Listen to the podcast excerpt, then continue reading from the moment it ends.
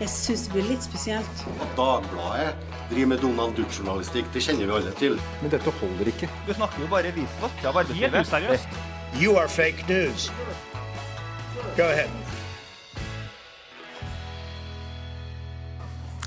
Takk, takk skal du ha. Det er en stor ære for eh, meg også å komme hit til eh, dere. For nå skal vi eh, Egentlig, dere har ikke fått vite, for det er ikke offisielt, men dette er et slags nachspiel.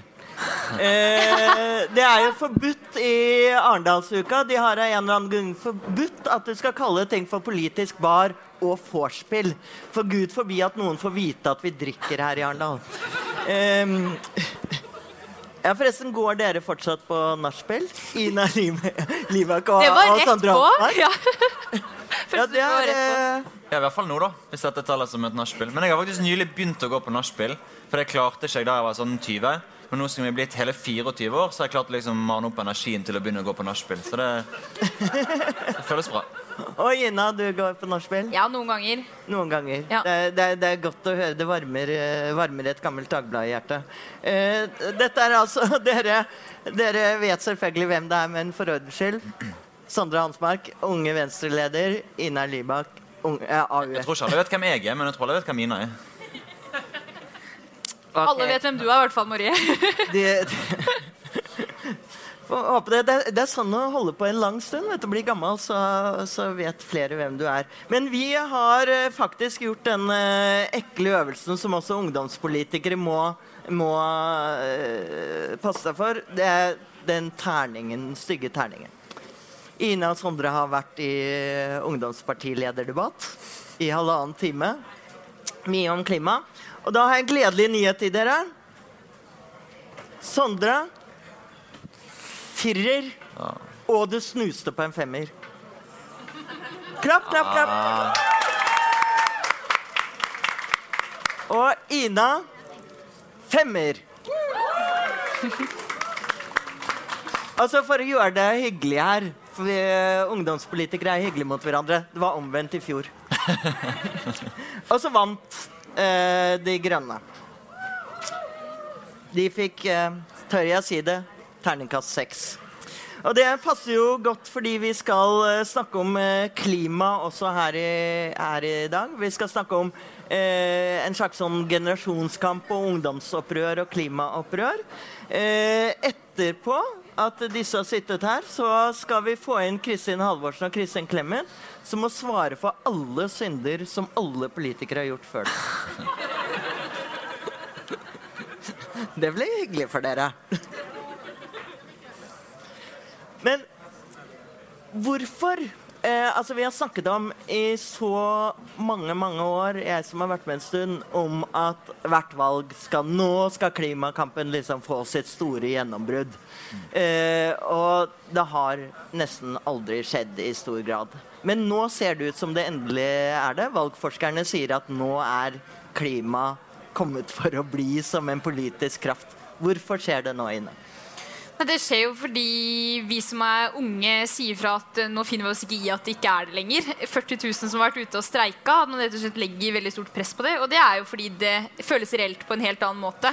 Mm. lenge når jeg gikk inn i AUF også, så meldte jeg meg inn pga. klima. Hadde sett eh, en ubehagelig sannhet og var veldig engasjert i det. Men da var jo fortsatt faktisk klimaendringene litt lenger der fremme. Nå merker vi jo klimaendringene hver sommer, eh, og det begynner å haste veldig. Og vi har fått en ny FN-rapport, og det gjør at eh, ja, særlig de unge da, legger press på de voksenpolitikerne og sier at nå er det nok. Nå er vi nødt til å begynne å snakke om dette her. Du kommer jo fra et parti som liker å kalle seg det eh, grønt, det også. Eh, Som er grønt. Ja, som Ja. er grønt. uh, gamle Venstreavisen må ta seg sammen. Uh, uh, føler du at det er enda mer presserende også i Venstre? Ja, det, det, det hadde skjedd uavhengig av hvilket parti du er blitt med i. Så er klimaspørsmålet blitt viktigere. Jeg tror det til og med har blitt viktigere i Fremskrittspartiet nå enn det var for en del år siden. Og jeg tror det har skjedd fordi at hvis du spoler omtrent sånn 40-50 år tilbake, så sto kampen på en måte om å eh, si at nå foregår klimaendringene. Og så var det en kamp om å liksom, definere den virkeligheten om at vi holder på å ødelegge kloden vår. Så spoler du noen år fram, eh, fram i tid, og da er konkurransen mellom klimapartiene å si vi er grønne partier, vi vil løse klimakrisen. Det som er helt nytt nå, mener jeg, er at det holder ikke for velgerne å si vi vil løse klimakrisen, den fins, men du må også si noe om hvordan du gjør det. Og jeg tror klimabevisstheten og engasjementet har blitt ekstremt mye høyere i befolkningen generelt og blant ungdom, som gjør at man ikke bare eh, demonstrerer for handling, men på konkrete tiltak. Og jeg tror det er det som har fått titusenvis av ungdom til å ta eh, til gatene for å protestere, fordi man krever handling på noen, noen spesifikke punkter. Jeg la merke til at uh, Begge dere to har i intervjuet sagt at selvfølgelig ville dere gått ut og støttet disse som streiket uh, det med klimastreiken. Og stått på barrikadene med de. Uh, men så var det et interessant sitat fra Ine her. Når politikerne ikke tar ansvar for fremtiden, må vi gjøre det. Men er ikke du politiker, da? det, er sånn, det er sånn Carl I. Hagen som alltid snakker om politikerne. Ja, hvis, dere, hvis, du tenker at i den offentlige debatten vi har nå, at jeg er mest den som liksom definerer en sånn elite der borte, og definerer meg som noe annet, så er jeg uenig i det. For jeg var ute og streika med de som gikk i klimastreik. Eh, og heldigvis er jeg liksom både ung fortsatt, men driver med politikk eh, også. Men det var jo en ting vi diskuterte i dag, da, hvordan politikerne må ta ansvar. og jeg synes Det er fantastisk at folk hever stemmen for klima, og er veldig nødvendig, men vi kan jo ikke belage oss på at uh, unge folk på 14 år skal gå ut og stå på barrikadene. Vi kan heller ikke belage oss på at uh, folk ikke skal fly eller husker å kildesortere hver dag. Uh, og Det tror jeg jo er noe av det de unge er veldig ute etter nå. Da. Hvem er det som faktisk liksom skal tørre å møte blikket deres og si at dette skal vi også være med å løse? Fordi Jeg mener i hvert fall veldig sterkt at vi kan ikke belage oss på liksom enkeltmenneskers idealisme i kampen mot klimaendringene. For Her kommer vi inn på blant annet det som har vært vårens store samtaleemne. At vi snakker om flyskam og det eh, altså individuelle ansvaret kontra liksom det politikeren skal løse. Eh, men jeg har et visst inntrykk av om dere er enig i det, at, at det virker som en ny generasjon at de er mye mer opptatt av at de selv må ta et individuelt ansvar også. At man snakker om man må spise mindre kjøtt. Uh, det er liksom uh, Du ser unge tar ikke lappen omtrent fordi de ikke vil kjøre bil. Og, og det er mye mer bevisst på sånne valg. Det minner litt om sånn når røykeloven kom inn. er det riktig? Ja, jeg tror det er riktig. Nå har ikke tall på det, men jeg regner med at andelen som veganere og vegetarianere blant unge er ganske mye høyere enn den er for eldre generasjoner. Og jeg synes jo det er veldig fint at, uh, fordi jeg tror Når man er klimabevisst, da, når man er opptatt av å ta bærekraftige valg i hverdagen, handler om å spise mindre kjøtt, fly mindre, kjøre mindre bil osv., så stemmer man jo på den andre siden også mer radikalt og klimavennlig. Og jeg tror det er en sånn ganske god sammenheng mellom en sånn ny generasjon som skjønner at klimakrisen både er et personlig ansvar, men også et politisk ansvar. Og vi nordmenn vi flyr dobbelt så mye som andre europeere. Spiser dobbelt så mye kjøtt som vi gjorde på 50-tallet. Mm. forbruker masse flere jordkloder. altså Hvis alle skulle hatt samme forbruk mm. som oss, så trenger vi trengt sånn 2,5 jordklode. Mm. Og det er jo en ung generasjon som er opptatt av å bøte på den skjevheten, i tillegg til å stemme på klimapartier. Mm. Det syns jeg er en veldig kul utvikling som vi burde heie på. Mm. Men ja, fordi det er jo Jeg vet ikke hvordan det var før. Ja, om det var liksom, jeg så for meg at det var litt sånn da også. Man gikk jo på barrikadene da og gikk ut i gatene når man ikke var enig og sånn, eller? Ikke se på meg, jeg vokste opp på 80-tallet.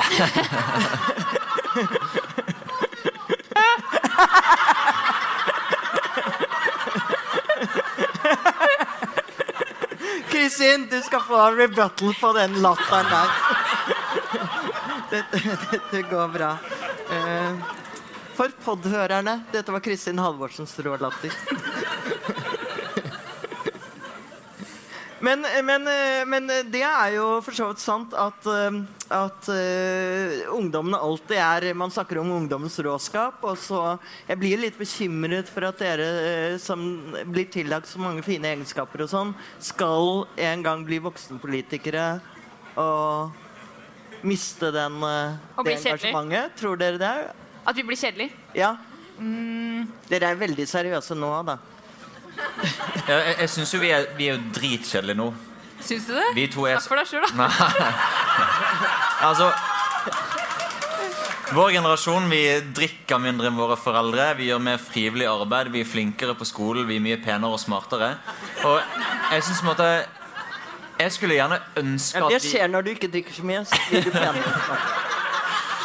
Men Jeg skulle nok ønske at vi liksom var litt mer raddis, gjorde litt flere dumme ting. Men problemet er at hvis du gjør en dum ting i 2019, så slipper du aldri unna det igjen. På samme måte som du, da du vokste opp på 80-tallet. Så kunne du gjøre en dum ting, og det hadde ikke trengt å bli dokumentert på Instagram og Snapchat og Facebook. og alle disse tingene Og jeg tror at eh, vi som i hvert fall forsøker å bli eh, seriøse politikere, må ha litt sånn eh, track record i orden da, for å stige i gradene. Nå burde jeg bli sånn der gammel mann som sitter og sånn i sosiale medier. Men ser dere Dere ble spurt uh, under partilederdebatten, så var det liksom uh, Tar moderpartiet deres klima på alvor? Da svarte du selvfølgelig ja. Det gjorde han, ut. Venstre. Jeg var litt Men- på vippen. Ja, ok. Ja. Men, øh, men du sa nei, Ina. Ja, det gjorde jeg. Ja. Og Jeg syns at Arbeiderpartiet må bli bedre på klima. ja. Ja. Og prioritere arbeidsplasser foran klima. Ja, akkurat Det spørsmålet synes jeg var interessant at de spurte, men jeg er ikke helt enig i premisset i det. For jeg mener jo at hvis det er noe som er farlig for arbeidsplassene i Norge fremover, så er det hvis vi fortsetter sånn som nå og binder opp alle arbeidsplassene våre i olje. Så akkurat det med å sette arbeidsplasser opp mot Ja, kanskje et kortsiktig perspektiv, så er det riktig. Men hvis vi ser sånn som vi, da, som jeg tror har et lengre perspektiv fordi vi er yngre, og vi ser hvordan skal arbeidslivet være om 40-50 år, så tror jeg det er forferdelig dumt å fortsette sånn som nå og tenke at vi skal, skal fortsette å leve av olje på samme måte. For det kommer vi ikke til å gjøre. Da kommer vi til å sitte og ja, være de som produserer faksmaskiner mens resten har gått over til mail. Og det er ikke noe heldig sted. Der vil man ikke være, liksom. Eh, Og det er det Norge er i ferd med å bli. Men tenker dere av og til at uh, den eldre generasjonen at de må komme seg unna? At dere må overta, liksom, på en måte? Fordi at uh, jeg tenkte, uh, Sondre Anfa, Du har sagt for eksempel at tiden for de store veiutbyggingene er over. over. Stortinget har for fire år siden vedtatt en liten greie som heter Nasjonal transportplan, som skal bruke Hva er det? 1000 milliarder, er det det? Det, virker ikke som det er helt over. neida, og det Er dette noe som eh, dere ville vedtatt? Nei, det er det ikke. Og det hadde for så vidt vært veldig gøy om eh, plattformen til Unge Venstre var regjeringsplattformen. Da ville det blitt lov med polygami og diverse andre ting. så det kunne vært veldig spennende. Men jeg synes jo den, eh, eh, den nasjonale transportplanen som regjeringen har vedtatt, det er jo et luftslott. Og det tror jeg de vet sjøl. Når man skal bruke 1000 milliarder kroner på å bygge vei de neste ti årene. Masse prosjekter som man ikke har råd til. Så jeg tror, tror man dypt inn i Samferdselsdepartementet skjønner at denne planen aldri kommer til å bli noe av. Og jeg ville aldri vært med og vedtatt en sånn plan. Fordi selv om eh, Nå blir det litt politisk på en måte. Selv om eh, togbevilgningene er rekordhøye, så bygger vi fortsatt altfor mye vei. Og det å bygge altfor mye vei, det å henge seg bak i fortidens transportsystem, hvor alle skal ha hver sin bil, hvor alle skal drive og kjøre til jobb hver dag. Men vi trenger en radikal omveltning i måten man flytter seg fra A til B på. Selvkjørende busser, eh, mer delebiler, som gjør at vi ikke har det samme behovet for vei i fremtiden som vi har i dag. Så jeg mener at den nasjonale transportplanen eh, ikke møter fremtiden på en eh, god nok måte. Men kan det være fordi at mange politikere har holdt på i denne tralten så utrolig lenge? De har vokst opp med oljeavhengigheten, de vet hvordan dette skjer, de gjør det samme om og igjen. om igjen. Eh, jeg snakket med Erik Solheim her eh, forleden, tidligere SV-leder, som nå driver miljølobbyisme, eller hva man skal kalle.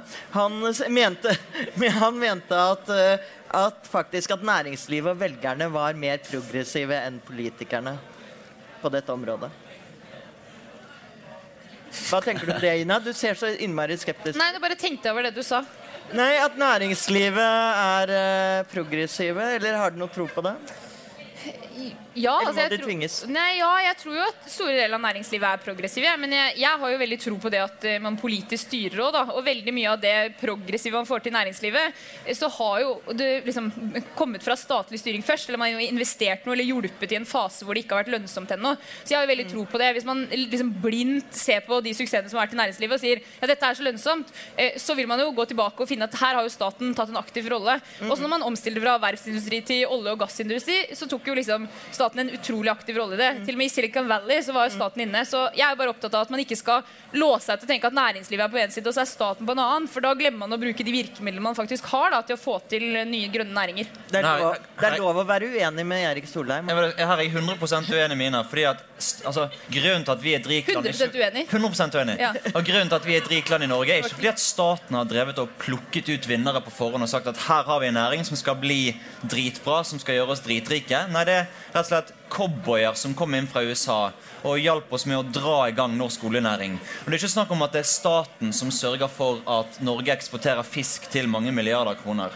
Så jeg mener at, at på mange områder så går næringslivet ganske langt foran politikerne. De skriker etter strengere miljøreguleringer. De skriker etter høyere CO2-avgift. Og på mange områder syns de er mye flinkere på å gå inn i det grønne skiftet enn det politikere er. At politikere er mer opptatt av å henge seg bak i gamle strukturer, mens markedet ser nye muligheter og mer mer progressive på klimaspørsmål.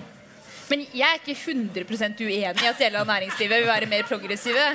Altså, jeg mener bare at Hvis man skal si at liksom staten ikke skal gjøre noe, og hvis du tror at alle de næringssuksessene vi har hatt i Norge Det er ikke tilfeldig hvorfor vi har næring i hele landet. Det er jo fordi man statlig også har gått inn og sagt vi ønsker at det skal være arbeidsplasser i hele landet. Og det tror jeg ikke du trenger å være 100% uenig i. Det er for litt rart. Ok, 95, altså Vi må lage litt debatt her, da. Men jeg tenker at staten Nei, Gud prøver jo! Staten prøver jo f.eks. å skape arbeidsplasser i hele Norge. Derfor har man f.eks. lavere arbeidsgiveravgift, lavere skatt i Finnmark. Funker de skattefordelene? Nei. Det blir ikke flere arbeidsplasser i Finnmark fordi at skattene er lavere der. Det er penger som egentlig kaster ut av vinduet på dårlig distriktspolitikk. Så det er ikke sånn at staten liksom magisk kan velge å opprette arbeidsplasser i Finnmark, og så bare spretter det opp masse arbeidsplasser av jorden. Så, Men ja. statlige grep som vi har gjort, har gjort at vi har fått de næringene vi har fått. F.eks. hvordan vi har behandla vannkraften vår, hvordan vi har tatt vare på de naturressursene som har gitt oss næring, og som har gjort at vi kan drive næring i hele landet. Og det er jo statlige virkemidler, men det er jo ikke staten aleine. Det er i hvert fall ikke cowboyer aleine. statlig Cowboyer kan utrette ganske mye. Men det er, forskjell, det er en forskjell på hva staten liksom eh, regulerer for og gir eh, designere et skattesystem for, og hva vi liksom skal gå inn med penger i, og hva vi skal bestemme eh, hva, altså hva statlige virksomheter skal bruke tiden sin på. Og Jeg er veldig skeptisk til en aktiv næringspolitikk. Det betyr at vi må Ja, det vet jeg, for regjeringa gjør ingenting av det. Nei, men re regjeringen sørger Nei, jeg orker ikke ta denne. Men- men- men. Det, det er ikke, Men- det er ikke publikum for det. Men det er så bra de begynte å krangle helt uten min fortjeneste. Takk. Eh, men hvis man sier at Norge er eh, Ikke bare sier, det er vi jo. Vi er jo fortsatt eh, kjempe, kjemperike og kommer til å være det i overskuelig fremtid, selv om man snakker generasjonsregnskap sånn. Hva kunne dere tenke dere å bruke penger på som virkelig hadde liksom monnet når det gjelder klimaspørsmålet? Eh, eksempel så snakker man eh, havvind. Ikke sant? At, det, at man skal utbygge det, at det er, eh, burde være et norsk satsingsområde. Det er jo Motpartiene er jo litt skeptiske til det. Vil dere være for det? Ja, jeg mener det. Ja. Jeg mener at Norge kan gå foran både på havvind, på karbonfangst og -lagring, eh, på bioøkonomi. Og det er de næringene hvor jeg tenker Og flere næringer. Havbruk. Eh, ja. Det er mange næringer vi kan bli gode på, men det er typiske næringer som nå i en, eh, en fase hvor man trenger å bygge de opp, kommer til å trenge offentlige investeringer. Og man kommer til å trenge at det offentlige tar risiko. Så jeg tror Norge kan bli store på alle de tingene. Særlig på havvind og karbonfangst og -lagring. fordi det er det, eh, den kompetansen vi allerede har i olje og gass, er så utrolig sterk på det området, som gjør at vi kan bli konkurranseledende. Men det går utrolig fort. Så det er jo derfor vi er veldig sånn, ja, i AUF er vi veldig opptatt av det nå. fordi Vi er litt sent går- ute allerede. Ja, vi er faktisk det. Så Norge må få ut fingeren hvis vi skal klare å henge med. Ja. Jonas er med. Ja. Jonas er med. Jonas er med. Altså, jeg er helt enig. Og du får med regjeringen. Ja, du har ansvar for regjeringen. Jeg får med regjeringen, som gir masse penger til karbonfangst. og Ja, lagring, da er det, da er det i boks. Det andre spørsmålet eh, Skal ikke jeg få ta én skryteliste i løpet av kvelden? Liksom? Må, må se om noen velger eh, det. Eh, Nei, men Jeg er veldig opptatt av at vi skal fikse denne havvinden en gang for alle. Det er jo viktig. Ja. Så uh, skal vi sette en dato for når vi skal slutte med oljeutvinning. Ja. Vi har ikke satt en dato. Men jeg tror vi må avvikle norsk oljeindustri veldig mye raskere enn det vi tror. Og Vår politikk er jo nei til alle nye letelisenser på denne siden. Slutt å lete etter olje. På den andre siden så skrur du opp prisen på forurensning ganske mye. Og Da vil resultatet bli at det er billigere å satse på fornybar energi, og det er dyrere å pumpe opp olje. Og Da mener jeg at vi får en bedre nedtrapping enn om vi sier at fra 2035 så er det bom stopp. Det tror jeg er en dårlig løsning. Og Det er ikke så mange år til. Og Problemet er at dette er litt på siden av den ordentlige politiske debatten. Når MDG sier at de vil ha oljestopp i 2030, så skjønner jo alle at det er helt urealistisk. Og jeg er opptatt av å få plass noen mekanismer som gjør at den næringen reduseres mye raskere enn den gjør i dag. For Oljeinvesteringene går nedover. Det er flere felt nå enn det var for ti år, nei, færre felt enn det var for ti år siden. Og den retningen den må vi liksom eskalere og skru til. Det må gå raskere nedover med oljenæringen. Så det syns jeg er en bedre løsning. Men er det nødvendig å si, sette en sluttdato fordi at man har et mål å strekke seg mot? Ja, det mener jeg er nødvendig. Og det er også en del av den ordentlige politiske debatten. Så jeg mener at det er nødvendig fordi på den andre siden så er det eh, noen som ikke ønsker at vi skal slutte med olje og gass i det hele tatt. Eh, og nå, noen ganger når vi diskuterer 2035, da, som AUF mener, så kan det jo høres ut som at det er der debatten ligger. At man snakker sånn Å, er det 2035? Eller er det 2036? Eller er det kanskje 2050? Men der er jo ikke debatten i det hele tatt. Debatten er jo her. Eh, om man skal stoppe med noe. Om man i det hele tatt skal la noen oljefelt ligge. Og da tenker jeg at som en motpol til de som ønsker at man skal drive med dette i kjempelang tid fremover, og som ikke ønsker å begrense noe, så trenger man også at noen på den andre siden har ambisjoner om hvor fort vi skal omstille oss bort fra denne bransjen her. Men så er Ap en av de som har sagt at vi skal holde på langt ut til neste århundre. på en måte. De har jo stemt for et oljefelt som strekker seg til 2070. Altså 50 år fra nå. Ja. Og det er jo et langt steg i den retningen vi ikke må gå i. Jeg føler at i dette spørsmålet skulle jeg hatt en annen ungdomspartileder her. Men Hvis jeg kan si en fun fact før den ungdomspartilederdebatten, så hadde Unge Venstre laget en sånn bingo. Den var veldig morsom. Som var sånn at De hadde laget en bingo med liksom alle tingene som ble sagt i debatten. Og da lagde jeg min egen bingo, som var sånn hvor mange ganger du kom til å si Arbeiderpartiet. Og det ble ganske mange scores. Det ble vel det. Men, eh, men dette er godt innspill fordi at eh, jeg har lagt merke til at dere på Facebook eh, og sosiale medier og sånn, da, så er eh, ungdomspartilederen eh, og ungdomspolitikere veldig hyggelige mot hverandre. Sier sånn Det var et godt forslag. Kult. Eh, ja, jo, men innimellom, innimellom så gjør det det. Kids sier kult til Ja, uh, andre ja, kids. ok, det var meg da som er oppvokst på 80-tallet. Jeg, jeg ville sagt kult. Eh, men er det sånn at dere er Er bedre, bedre Dette var kledelig, AUF-er. Uh, du kan gå ut og seile etterpå. Uh, er, eh, er dere gode venner, eller er det liksom eh, som Klassekampen antydet, at dere er for nære venner? Det er en liten elitestyring.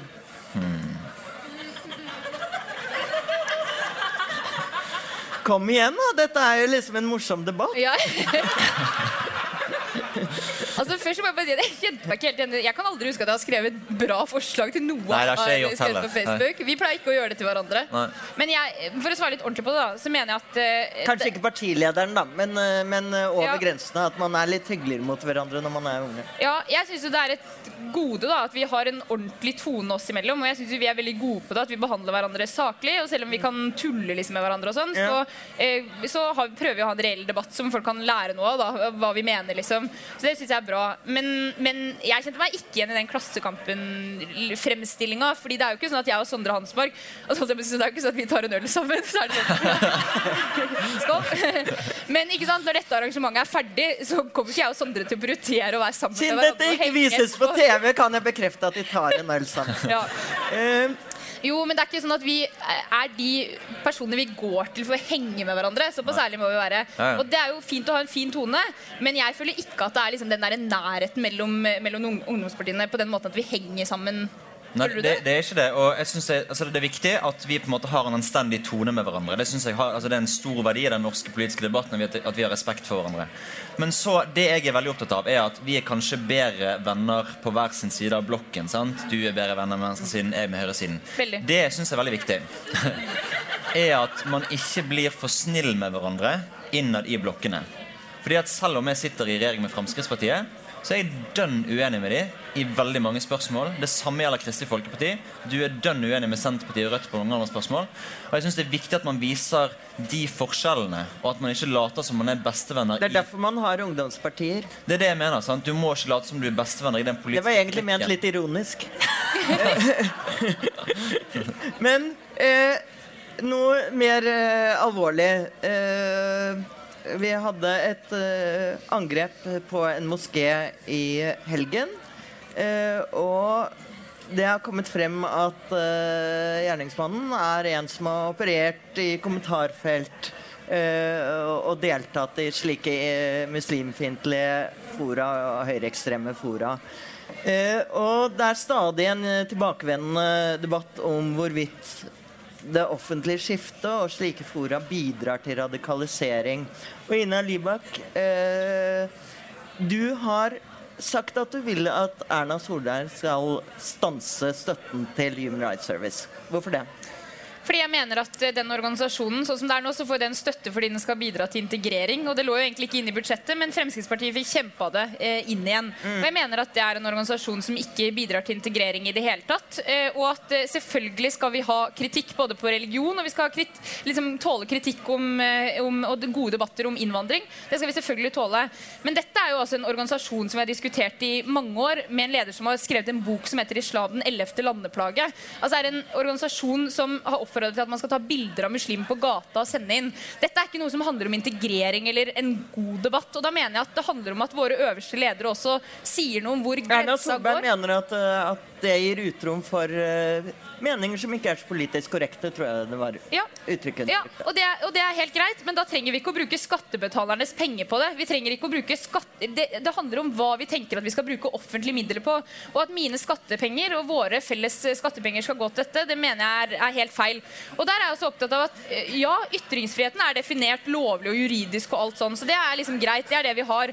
Men som øverste politiske leder så trenger man ikke å legge seg på et liksom minste minimum av hva, hva grensa for ytringsfrihet er. Der har man lov til å si ja, dette mener vi er utenfor eh, grensa for hva man kan si. Denne organisasjonen mener vi ikke skal få statsstøtte, og det mener jeg at vi burde gjøre her for å definere en klar grense med hva som er en god debatt, og hva som bare er innvandringsfiendtlige holdninger. Men når det gjelder denne polarisering av debatten, som eh, så vidt ikke er et norsk fenomen, vi ser det jo overalt, og vi har jo en president i USA som bidrar til det, blant annet. Eh, men Tenker dere at uh, dette er en, eh, et, en, utfordring og et problem som, uh, som eldre politikerne ikke har tatt alvorlig nå? Og til dels bidratt til? Det syns jeg er vanskelig å svare på. Men jeg kan jo bare begynne med å si at her er jeg 100% enig med Ina. Jeg syns man selvfølgelig bør kutte støtten til HRS. For det er jo ikke akkurat mangel på høyreekstreme, innvandringskritiske foraer å diskutere på på nett. Det er jo heller for mange av dem.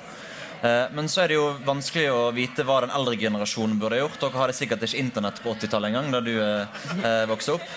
Men jeg mener jo at det er ingen politikere eller veldig få politikere som har tatt på alvor at det faktisk er ytre høyre og innvandringsfiendtlige og islamofobiske meninger som er det som har vært eh, trussel i Norge. Og Man har i veldig mange år fokusert på jihadistisk terror, ytre venstre-terror. Men det er ikke, altså per, per, i dag så er ikke det et stort problem i Norge. Mm. Men det er ytre høyre-nettverket i Norge og i Europa som jeg syns er skummelt, og som man må fokusere mer på. Og man ser seg blind på islamsk terror. Man ser seg blind på at det skal komme eh, folk fra Syria opp til Norge og ødelegge samfunnet vårt, mens det reiser gjerne etnisk hvite norske nordmenn ned til Ukraina for å handle for Men, men er det offentlige politiske ordskiftet med på å bygge opp om eh, disse, denne polariseringen? Kan dere si noe om det? Jeg syns at alle som snakker om oss og dem, alle som snakker om muslimer som noe annet enn oss, og noe som er mindre verdt enn oss, er med på den polariseringen. Og jeg kan være veldig tydelig, det sa jeg også i ungdomspartilederdebatten i sted. Det flaueste øyeblikket å være med i denne regjeringen på, var da Sylvi Listhaug la ut den Facebook-posten sin om at Arbeiderpartiet prioriterer terroristers uh, sikkerhet over nasjonens interesser.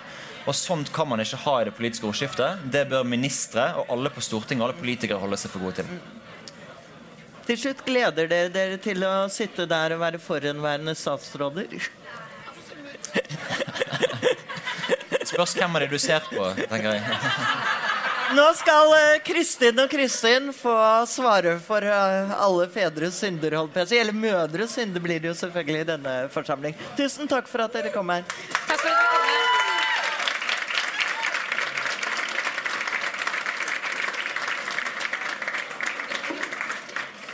Det var jo litt av hvert å gripe fatt i. Nå skal de bare mikkes opp her. Ja, det, det er kjempefint. Uh, jeg ser de har med seg notater fordi at de tror at dette skal bli skummelt, men det blir det jo ikke. Og nå er det kommet kaffe. Og nå er det kommet kaffe, for det vil dere ha. Sånn er det. Sånn er det å bli gammel. Nei, nei. Med notater man ikke kan se dem lenger. Det er det. Dere vet ikke hvordan det er. Vi trenger doble brilleglass og en eh, flomlys. Liksom sånn.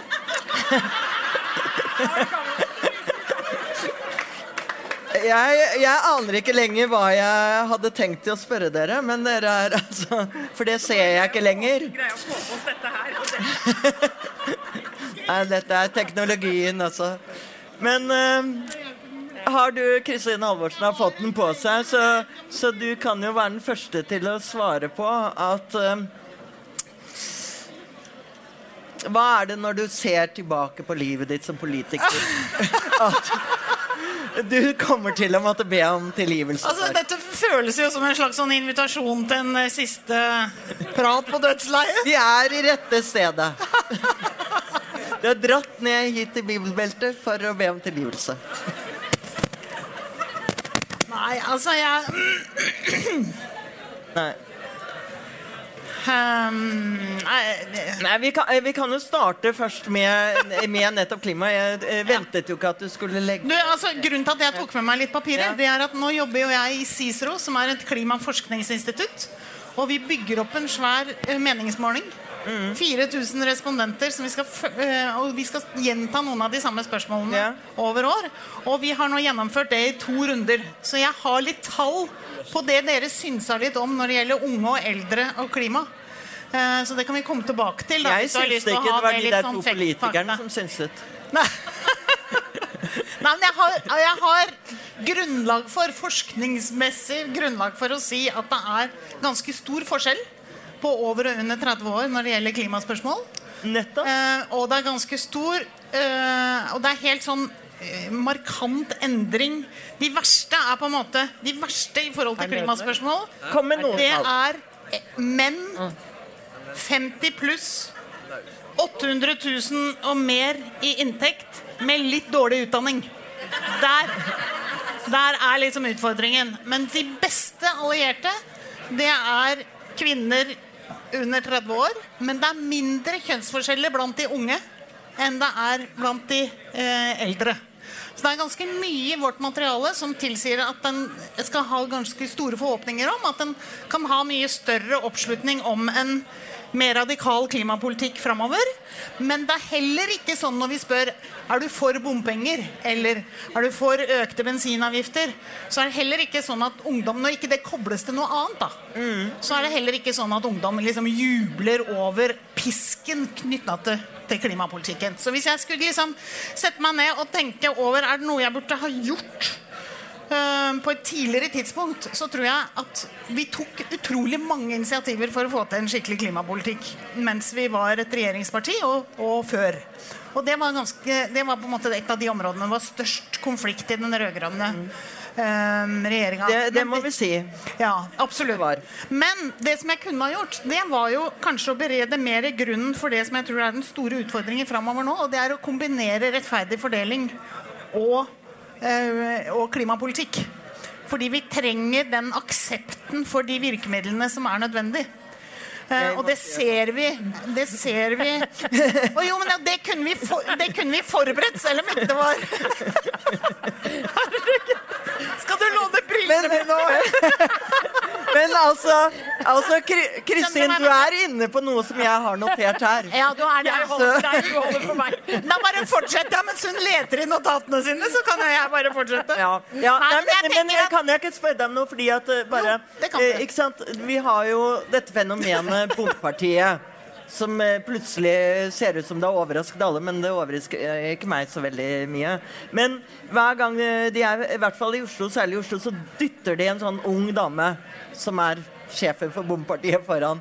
Men kan vi anta at hun kanskje ikke er den som er Bompartiet flest? Men her, her, her tror jeg faktisk at man har gjort noen feil når det gjelder disse bypakkene. Eller at det er noen svakheter, da. Når det gjelder disse bypakkene og summen av det, de bompengeprosjektene man har vedtatt. Som med litt bedre planlegging og litt bedre mm, forankring kanskje kunne vært skrudd sammen bedre. Eh, fordi vi ser at det er mindre motstand mot bompenger eh, og liksom disse bypakkene i Oslo og i Trondheim. Fordi der ser antagelig folk at det er mer på plussida ikke i form av kollektivtrafikk og så, eller, og så videre, tilbud videre, enn det er i Bergen og enn det er i Stavanger-området. Så her tror jeg det er, det er måter å skru sammen mer offensiv klimapolitikk og bedre fordelingspolitikk på enn de modellene vi har fått opp til nå. Og det er klart, det kunne jeg bidratt til å forberede. Det kunnskapsgrunnlaget kunne jeg bidratt til å forberede, selv om jeg visste at jeg ikke ville ha fått eh, gjennomslag for det på det tidspunktet. Men da hadde vi hatt et bedre faglig grunnlag til å gjennomføre mer radikal politikk når på en måte det begynte å endre seg litt. Sånn som nå. Men eh, Kristin Clemet, du er jo konservativ. Da er det en konservativ dyd at man skal overlate gården i bedre forfatning til de neste generasjonene. Føler du at uh, din generasjon, og da Kristins generasjon og for så vidt min generasjon, uh, har gjort Hvor gammel er du når det egentlig, gjelder Marie? klima? Jeg er eldgammel. Det er fordelen med å bli litt eldre, at man kan si det. Ja. Så kan man bare være helt uferdiggjort. Jeg altså, jeg, jeg, jeg føler ikke at vi har gjort uh, alt vi kunne. Det føler jeg ikke. Men på en annen side så vil jeg si at noe av det vi står overfor i dag, det visste ikke vi da dere, vi var så unge som dere var. Eller er. Og jeg vil også si at jeg var litt déjà vu å høre på dere, fordi vi har hatt miljøproblemer før òg. Vi har hatt miljøvalg før òg. Altså, da jeg var barn og ungdom, så kunne man ikke bade i Oslofjorden, i nærheten av Oslo, ikke sant? fordi det var så forurenset. Så det var datidens miljøproblemer. Og heldigvis så er noen av de problemene også løst. Men jeg tror at eh, Men eh, nå er det en helt ny situasjon. eh, det, I forhold til det Kristin snakker om hva de unge svarer osv. I går så var jeg med å lansere den store valgforskningen fra 2017-valget. Og da skulle de se på for første gang hva betyr følelser i politikk. Altså hvordan drives mennesker av følelser. Og da delte de inn i negative følelser og positive følelser. Og de negative de ble delt inn i to. Det var sinte følelser, og så var det frykt. Og så tenkte alle, så det hadde forskerne også trodd, at dette var sinte, halvgamle, hvite menn som var sinte. Men det viser seg at det er veldig mye unge, og det er veldig mye kvinner. Og det kan dreie seg om frykt for det som er knyttet til klima, bl.a. Så det er litt andre resultater enn det de ventet. Så, eh, men jeg tror at noe av det som har skjedd med klimasaken eh, det ble, Jeg følger ganske mye med i dansk politikk. Og for første gang nå ved valget så ble klimasaken den viktigste, var, viktigste, viktigste saken i, dansk, eh, i det danske valget som var nå, var nå nettopp.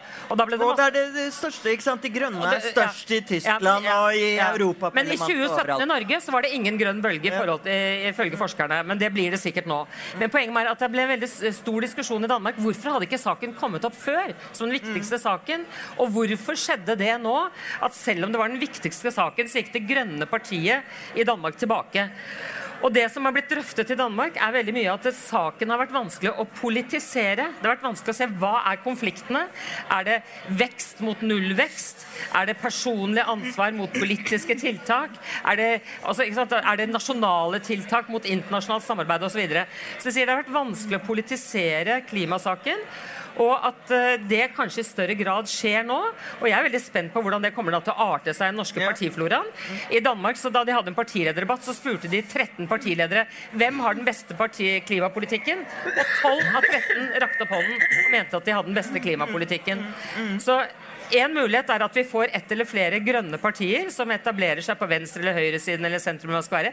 Eller at klima Altså at alle partier må ha så mye Alle må forholde seg til det nå. at Det en er jo det er blitt det Ja. nye gjennomslaget. Ja, og og en av grunnene til at selvfølgelig de rød-grønne fikk mye kjeft for klimapolitikken sin, var jo at SV var det grønne, liksom Vi supergrønne hadde høye partiet. ambisjoner, og da får du mye kjeft for altså, Jo, men sånn er det. Ja, men, men, men er, det, er det det at det er kommet enda flere partier, du selvfølgelig MDG og, og sånn, som har kommet på, som uh, presser på i klimakampen? og du ser i Danmark og nå i Norge at det er de med den grønneste politikken som øh, fosser frem. Og da må de etablerte partiene forholde seg i større grad til klimapolitikken. Jo, men man, kan jo tenke seg at det er noen andre forhold som spiller inn her òg, da.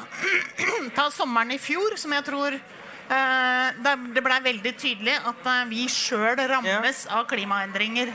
Eh, og det er lite spørsmål om det, og det er også det i dette materialet. for Og når det er ras i gjølser og sånn, så Når det er ras i gjølser, så er det lett å koble det Ja. på, på klima. Og så kommer FNs 1,5-rapport, som sier noe om hvor utrolig mye stor fordel det er å klare 1,5 i forhold til 2 graders eh, global oppvarming, og at det faktisk har stor betydning. Eh, Så jo, vi får jo mer kunnskap om det. Og jeg tror ikke det er sånn at Erna liksom sitter og sier å nei, nå øker de grønne, nå må jeg endre klimapolitikken. Jeg tror faktisk hun tenker at nå kommer dette fra FNs klimapanel, og utfordringene er der, og, og Parisavtalen skal vi innfri osv. Fordi mitt, min erfaring er i hvert fall at norske politikere er ganske skikkelige. Eller Men det- ganske men det er mange-. Så må jeg bare si også at jeg synes Det er ganske viktig nå de stemmene som sier at det er mulig å gjøre noe med det. Og jeg vet at Geir Ravnefjell sitter bak der, skrev en artikkel om den siste eh, rapporten om, eh, som nå hadde begynt å komme litt inn på politikk. Forskerne, ikke sant? Geir Ravnefjell, sjefen min, vet alt. Som sier at det er en vei frem hvor alt går galt. Men det fins også et scenario hvor det går bra. ikke sant? At man ikke får en følelse av at det, nå er alt håpløst. For det tror jeg ikke mobiliserer oss verken som sivilsamfunn eller som politikere. Så jeg er veldig opptatt av at det er litt optimisme her også. Da. For jeg tror Hittil har menneskeheten greid å løse de problemene som har vært erkjent. Ja, men samtidig må jo liksom dere fremstille nå som om det bare er liksom at uh, nå plutselig er klimasaken kommet, og dere visste ikke så mye og alt mulig sånn. Men det er en ny pådrift fra de unge. Altså, Det er ting som blir sagt nå som aldri hadde blitt sagt tidligere. F.eks. som de sa nå på slutten av samtalen, at de ville ha en sluttdato for oljeutvinningen. Jo, jo, men det- men altså- For noen år siden, hvis noen hadde sagt det, så hadde de blitt ledd av. Jo, jo, men- Men altså, det er, det er, jeg syns at det er en ny situasjon på veldig mange måter. Ikke bare når det gjelder klima, hvis det er lov å si det. Fordi det er ikke så lenge siden Francis Fukuyama, en verdensberømt statsviter, liksom skrev en bok altså på begynnelsen av 90-tallet og sa at vi har nådd slags verdens endepunkt. Nå ser vi det beste samfunnet som er mulig å etablere. Det liberale demokratiet som greier å løse liksom alle problemer. Og så står vi da Han har måttet skrive en del eh, flere bøker etter det, fordi det viste seg var, var ikke sant. Nå ser vi at det er, skjer veldig mye rundt oss som vi ikke hadde forventet. Altså at eh, det liberale demokratiet faller sammen i mange land. Land vi trodde skulle utvikle seg til dik eh, demokratier, forblir diktaturer osv. Klimaproblemene. Så man må si at vi lever i en mer pessimistisk og eh, en tid hvor det er grunn til å være reddere da, enn det var for ganske kort tid siden. Tilbake på 90-tallet trodde vi at alt skulle gå bare én vei, nemlig den rette veien. da. Mm. Men Kristin Halvorsen, da syns jeg også at du må si noe om eh, Jeg hadde egentlig tenkt til eh, Jeg skjønner veldig godt at dere to som er eh, Dere er jo langt fra pensjonerte, så jeg skjønner at du i Cicero og du i Civita vil legge frem et optimistisk budskap. Men vi må være litt tilbakeskuende nå. At var det eh, Var det enklere å være politiker, eh, politiker før? At det var mindre polarisering, mindre fragmentering. Dere hadde ikke dette plagsomme MDG som eh, ødela bomp... eh, gud, I hvert fall ikke bompartiet. Ja, det er Aunelista, Kystpartiet og Det var jo masse da. altså. Nei da. Men Hva er det for et minneshow du skal ha? Jeg blir helt sprø av dette her. Det var, det var eh, Det er, det Dere må ta ansvar for at ungdommen er blitt så seriøs og ikke går på nachspiel. Det er deres ansvar. Det gjorde man før. Jeg vet ikke hvilken mikrofon det er som knytter Jeg vet dem. ikke Noen hvilken som går. Nå er, det, så, nå er det gått i sikkerhet. tror det var min men, som er... men jeg tenker sånn Du har på en måte et ansvar Når du driver i politikken, så har du et ansvar til å gjøre det beste du kan ut fra den tida du er i. Og i de fleste store spørsmål så tror jeg at jeg faktisk øh, gjorde det. Men jeg tror jeg kunne forberedt være med på å forberedt bedre noe av det vi vi liksom ante kom til å komme. ikke sant? Fordi det er ikke sånn. Jeg husker vi økte bensinavgiftene med ti øre da jeg var finansminister. Og de kjørte hele, de stappa hele Oslo full av trailere og hylte og skrek. Og Siv Jensen sto ved alle bensinpumper og kom bort på. Og, og, og dette var et ran av folk, og det var liksom i det hele tatt. Så det ula jo rundt eh, ørene eh, på oss. Og, og hele den pakka der, fordi vi vet at vi må ha både pisk og gulrot hvis vi skal få til noe som er effektivt når det gjelder klimapolitikken. Hele den kunne vi ha forberedt bedre. Det finnes mange modeller. Vi kunne ha liksom samla de beste hodene vi har. Vi kunne ha tenkt igjennom hvordan dette skulle være. Nå er jo det faktisk en av de store globale utfordringene. Dette eh, spørsmålet om hvordan man skal eh, eh, få til den typen politikk. Og så tenker jeg at ikke sant? Hele norsk oljeeventyr er egentlig en fantastisk historie. Er, jeg vet ikke om vi vet hvor fantastisk den er, for det er ingen andre land som har funnet ikke-fornybare ressurser av sånne verdier, som har klart å utnytte det til folks beste. Det har vi klart.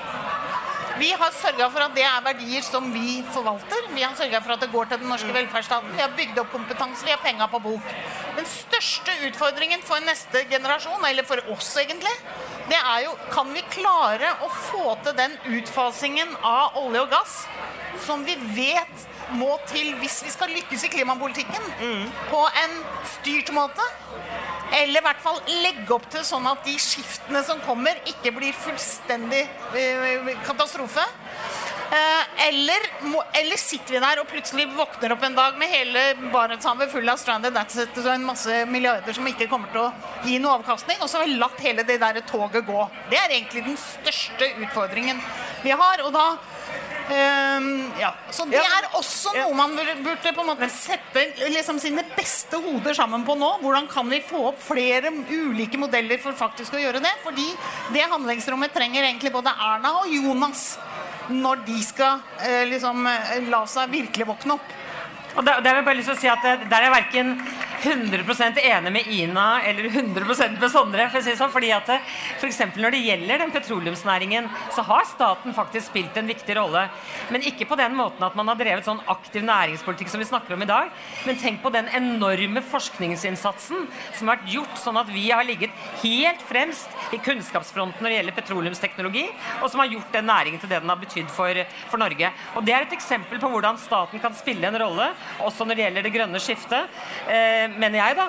Og det er jo fordi at Innenfor forskningsområdet så peker vi på en måte ut noen satsingsområder som skal bety noe for hvor vi skal satse ekstra mye. Det... Men, men, men, er det sånn at politikken, til tross for at den fungerer veldig bra, dette samarbeidet mellom uh, politikk og næring i, i, Norge, og vi har en annen modell inn i Amerika Nå kom jeg med kveldens største name-dropping. Da jeg snakket med Bill Clinton Skal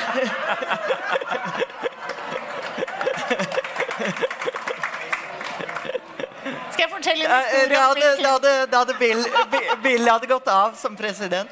Eh, men, eh, men han eh, Jeg spurte, for han virket så optimistisk på det han drev med nå. Og liksom fløy rundt og ordnet. Og så hevdet han at han hadde bedre liksom, mulighet til å snu seg rundt fordi det skjedde raskere når han var ute og var fri og ikke måtte forholde seg til de tunge politiske prosessene. Og uten sammenligning med USA, så var jo Ina også inne på at uh, vi er litt sent ute når det gjelder ting som vi må få i gang her. Men, men det må jeg si at en diskusjon om næringslivet. Altså når, hvis du først får markedet til å virke det godes tjeneste, altså i miljøets tjeneste, så går det jo mye raskere enn politiske beslutningsprosesser. Altså Kunsten er jo å lage de rammebetingelsene, da, ikke sant? reguleringer, insentiver osv., som gjør at det blir interessant for næringslivet. For hvis de først, og det vet du, Nå skal ikke vi diskutere profitt i velferden, men bare ta, det skal ikke diskutere det, det er ikke det jeg skal ta opp. Men når Kristin ville få fart på barnehageutbyggingen, så fikk hun jo med seg markedet på en måte til å bidra til det. Og da er jeg sikker på at det gikk mye raskere enn det ville ha gått hvis stat og kommune skulle ha gjort det der alene. Så det, det var jo bare Kristin Halvorsen sa at ellers så går jeg av. Ja. Nei, men altså, det, men, men det, så det, er en trussel. og det å få, og det å få, ja, det å få næringslivet til å virke på en sunn måte i miljøets tjeneste, det er selvfølgelig kjempelurt. Det er god politikk. Men altså, det var ikke så rart at de bygde barnehager, da, for vi betalte alt. Og vel så det, Nei. for å si det sånn. Nei, det gjorde det, ikke. Ja, nesten. Nei. da. Nei, det gjorde ikke. Foreldrene betalte litt. Og så De pantsatte husene sine for å begynne Ja, disse men det er helt gründerne. riktig. Disse Ja, gründer, ja. De første gründerne. Men de hadde veldig gode støtteordninger for å, Men- å få men det til. Men kan jeg bare si noe om Ja. dette? For noe av det som jeg ser den største endringen, det er hva som skjer på investorsida og finansmarkedene inn i, i forbindelse med det grønne skiftet. Og det handler jo ikke noe om idealisme, men det handler veldig mye om å prøve å forstå risiko. Og det handler om å unngå tap, selvfølgelig, og unngå å investere i noe som kan påføre deg tap. Og da dreier det seg om er vi investert i et eller annet som kan være utsatt for klimaskade i dag, eller kan bli det i morgen. Og det dreier seg om å se hvilke muligheter som fins. Hva er det som kommer til å være lønnsomt i morgen? Og i overmorgen og, og videre framover. Og jo lengre penger du har, jo viktigere blir det. Der har det vært en revolusjon, vil jeg si, etter Paris. Fordi at man har skjønt Punkt 1. Klimaendringene pågår, og det påfører oss tap. Punkt 2. Klimapolitikken kommer til å endre seg. Og det betyr at noe av det, de rammebetingelsene som, som eh, har vært før, de kommer til å endre seg. og Det betyr at nye markeder eh, har, mulighet, og nye produkter har mulighet på en annen måte enn før. Sånn at der er det en skikkelig drag. Det er klart at Hvis alle de penga snur seg, det er mye mer enn det vi kan klare å få til over offentlige budsjetter. Så litt kynisk så kan man være klimafornekter i næringslivet og likevel gjøre de riktige tingene Absolutt. av rene økonomiske Absolutt, grunner. Hvis absolutt. ja. blir. Absolutt, og det tror jeg faktisk en del av dem gjør. Fordi at de Erik- er Erik- de Erik- sånn og surmuler til meg på bakrommet. Erik men, eh, Solheim fortalte at går, så- eh, eh, er det, Burger King er nå gått tungt inn i veganerburgeren Beyond Burger. Så det gjør de Det er helt på sikkert Det ikke pga. at fordi Jens de er Utveit Moe eier dem. ja. Ja, ja. Når vi begynner å nærme oss eh, slutten og skal avrunde, for nå hører jeg at opptil flere har begynt nachspielet litt kraftig her. Jeg har fått ny tro på ungdommen. Men du, du, stilte, de, du stilte de unge spørsmål som jeg har lyst til å svare på. Som Ja, okay. ok. kunne tenke på å bruke mye penger på. Og jeg har bare lyst til å droppe en idé, fordi Ja. vi bruker jo ca. 40 milliarder på bistand. Altså nærmere 40 milliarder på bistand. Og jeg tror det er veldig vanskelig å dokumentere at alle de 40 milliardene blir brukt fornuftig, og, eh, at det bidrar til fattigdomsbekjempelse og utvikling. Eh, Jeg syns at vi skal diskutere og bruke en stor andel av de pengene på å bygge ut fornybar i fattige land. For at er det noe som, ikke, som er, blir veldig veldig vanskelig hvis vi skal gjøre noe med klimaproblemene, det er å insistere på at ikke fattige land skal få en vekst og utvikling slik vi har hatt det. Og de bygger ut eh, for, altså de bygger ut kull eh, hvis det er nødvendig for å heve levestandarden og få til vekst i sine land. Kina bidrar med det. Hvis vi kunne bidra Vi gjør det jo allerede, eh, delvis. For at, eh, jeg, har vært styreleder i Norfund i mange år og gjør det. Men det mener jeg vi kunne gjøre til en mye større utstrekning. Det var å komme med vår kompetanse, våre penger. Bidra til å bygge ut fornybar eh, i eh, Afrika og andre fattige land. Og bidra til å løse klimakrisen. Bidra til utvikling og vekst i de landene. Det er veldig god bistandspolitikk. Eh, og, og det ville være noe som det er veldig fornuftig å bruke mye penger på, etter min mening. Hva skal vi heller bruke 1000 milliarder på enn NTP? Nei da. Ja, men, men Det er ikke altså, det, alternativ. det der er jo, trenger jo ikke være noe kontroversielt uh, egentlig diskusjonstema mellom oss. Det er helt opplagt at eh, land trenger energi for å komme seg ut av fattigdom. Det er helt avgjørende at ikke det er investeringer i gamle kullkraftverk som kommer til- kommer til å gå stå putter og gå i 50 år til. Så her er det, her er det eh, absolutt mye fornuftig. Altså, Nasjonal transportplan er en skandale. Verken mer eller mindre. Eh, Det er, det er helt umulig å tenke seg at vi kan ha et sånt transportsystem hvis vi samtidig skal nå de klimamålene vi har. Og det er mange av de beregningene som liksom gjør at noen prosjekter blir samfunnsøkonomisk lønnsomme, som, eh, er som ser på overgang av frakt av gods fra jernbane til vei. Det motsatte av det vi skal. Så den planen må reversere. Og i tillegg kommer det til å skje veldig mye på transportområdet som gjør at behovene for den typen veiutbygging er det, er det er ikke til stede. Så noe må gjøres uh, med den. Og da vil jeg ha da vil jeg ha satsa maks på fornybar, eh, fornybar eh, energi, og så vil jeg ha satsa på CCS. Fordi alle scenarioene som bringer oss under to grader, eller under halvannen grad, har omfattende fangst og lagring av karbon som vi ikke er i nærheten av å ha planer for eh, i dag. Og der trengs det og, og vi har teknologien og kunnskapen til å gjøre det, men det trengs å bygge noen næringskjeder som gjør at ikke det bare er et kostnadshøl, men der man kan få opp f.eks. grønn sement. Sementproduksjon med CO2-fangst og -lagring kan bli grønn sement. Vi kan lage krav om at du skal bruke grønn sement osv. Der, er det- der kunne vi gjort en kjempejobb. Dette, det, dette må, øh, får vi vite mer om etter hvert. Det er veldig spennende og interessant. Det gjelder å være optimistisk, ikke sant? Men nå, siden det er faktisk et kommunevalg eh, Dere som er gamle ringrever på dette her. Hvordan eh, blir eh, valget? Blir det et, en, blir det et klimavalg? Og gjør Høyre og Ap det så svakt som det ligger an til? Um, jeg tror det er veldig vanskelig å si. Eller jeg tror, noe som er sikkert, tror jeg at Senterpartiet kommer til å gjøre det bra. Altså, det er jo motstridende utviklingstrekk her, får vi si. Så det er På den ene side så er det en grønn bølge, og klima betyr mye. Men eh, det kan jo også være at det er en liten sånn antibølge der. Altså Når vi ser på eh, bompengepartiet, og det er vel ikke sikkert at Senterpartiet scorer aller høyest på liksom grønne skalaen. Sånn at eh, det er motstridende utviklingstrekk, men jeg tror Senterpartiet kommer til å gjøre det bra. Eh, Eh, Jeg tror at Miljøpartiet De Grønne kommer til å gjøre det bra noen steder, i hvert fall. Mm. Jeg tror det er veldig usikkert hvordan dette bompengepartiet gjør det. Jeg tror det kan få 5 og 10 og 15 og 20 og 25 prosent i Bergen. Jeg tror det er veldig vanskelig å si. Eh, og så kan jeg vel si at for disse andre partiene som er det mye håp i den siste valgforskningen, fordi det viser seg at valgkamper betyr noe. Altså Du kan flytte velgere, ikke så mye mellom blokkene, som man sier, men innad de blokkene så flytter man velgere i løpet av en valgkamp. og Man kan eh, tilrane seg sakseierskap, man kan gjøre gode og dårlige valgkamper. Så, så bortsett fra det opplagte for at f.eks. Senterpartiet kommer til å gjøre det bra, så tror jeg det er veldig mye som er usikkert om det valget vi står foran nå. Og Derfor blir det veldig spennende. Kristin, ditt eh, gamle parti eh, ligger jo Eller ditt nåværende parti, kanskje. Men ligger jo veldig godt an.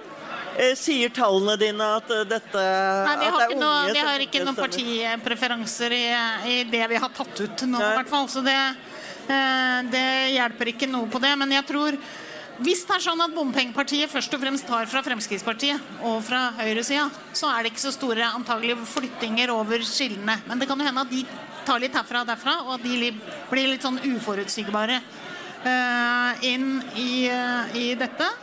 Eh, og så er jeg egentlig mest spent på om man klarer å få alle de ungdommene fram til å stemme. For de har jo en tendens til å stemme mye mindre, bruke stemmeretten sin mye mindre. Eh, Og Særlig i lokalvalg. ja, og særlig i lokalvalg. Og hvis de gjør det, så kan det ha noe betydning. Men hvis de nå bare sitter hjemme og gremmer seg, eller er sinte, eller hva det er for noe, eller er preget av frykt, så kan det jo bli et ganske trøtt og, og kjedelig valg. Det som forundrer meg veldig når det gjelder regjeringa, det er jo at de holder liv i denne bompengedebatten så lenge som mulig. Ved at man ikke, de, de diskuterer tydeligvis et eller annet da, som skal komme, men det et eller annet som skal komme, det kommer jo alle som er opptatt av bompenger som den viktigste saken i, i vår tid. De kommer jo til å være misfornøyd med den saken. Så det er jo ikke sånn at de kommer til å komme med et eller annet som Det, det er umulig å tenke Men- seg. men så det, det eneste de oppnår, det er å holde liv i den saken helt til liksom slutten. Mens vi andre, mange har jo begynt å bli lei av den allerede. Så Ja. kunne egentlig ha feida litt ut. Så det, Ja, ja. der- der Jeg er ikke så sikker. I mitt, i mitt kommentarfelt er bommepartiet ganske standhaftig, Jo, jo. vil jeg si. Men det er alltid noen Ja, det, jeg, jeg, hørte, er- jeg hørte i går at noen sånne byrå som skulle finne ut hva folk var mest opptatt av, de sa at bompengene, eller bomme, Ja. skårer skyhøyt Ja. på hva folk er opptatt av når de liksom studerer og analyserer. Men, og på, men på nettet. tror jeg det kan være Eh, noen ting som Ja. stjeler litt. For det er klart det er en veldig enkel sak. Ja, ja, ja. Hvis du tar, tar skolepolitikk, da, så vil du sagt masse forskjellige ting. Gode lærere, skolemat, ditt og datt. Ja. Sånn at det, det er Jeg er overbevist om at det partiet, hvis ikke det blir noe helt annet, så er det en døgnflue. Ikke sant? Men den døgnfluen kan vare over valget, da. Ikke sant? og da er man jo det- Og det blir gøy, med, det blir gøy i? Bergen, eh, hvor de skal ha 16% med ja, Du må ringe Erna umiddelbart og si at den dårlige løsningen på bompenger den må komme nå, og ikke eh, liksom Men i hvert fall opp. Oppfordringen er ikke bare vær sint, gå og stem. Ja. Yeah. Og, tusen takk for at jeg fikk lov til å være med på nachspiel med dere litt. Grann. Eh, de gamle skal ikke gå hjem engang etterpå. Eh, tusen takk til Kristin og Kristin. Det var veldig hyggelig, selv om dere ikke fulgte min oppskrift. ja. Ja, det er umulig å holde styr på. Tusen takk, Ina og Sondre. Og tusen takk til publikum.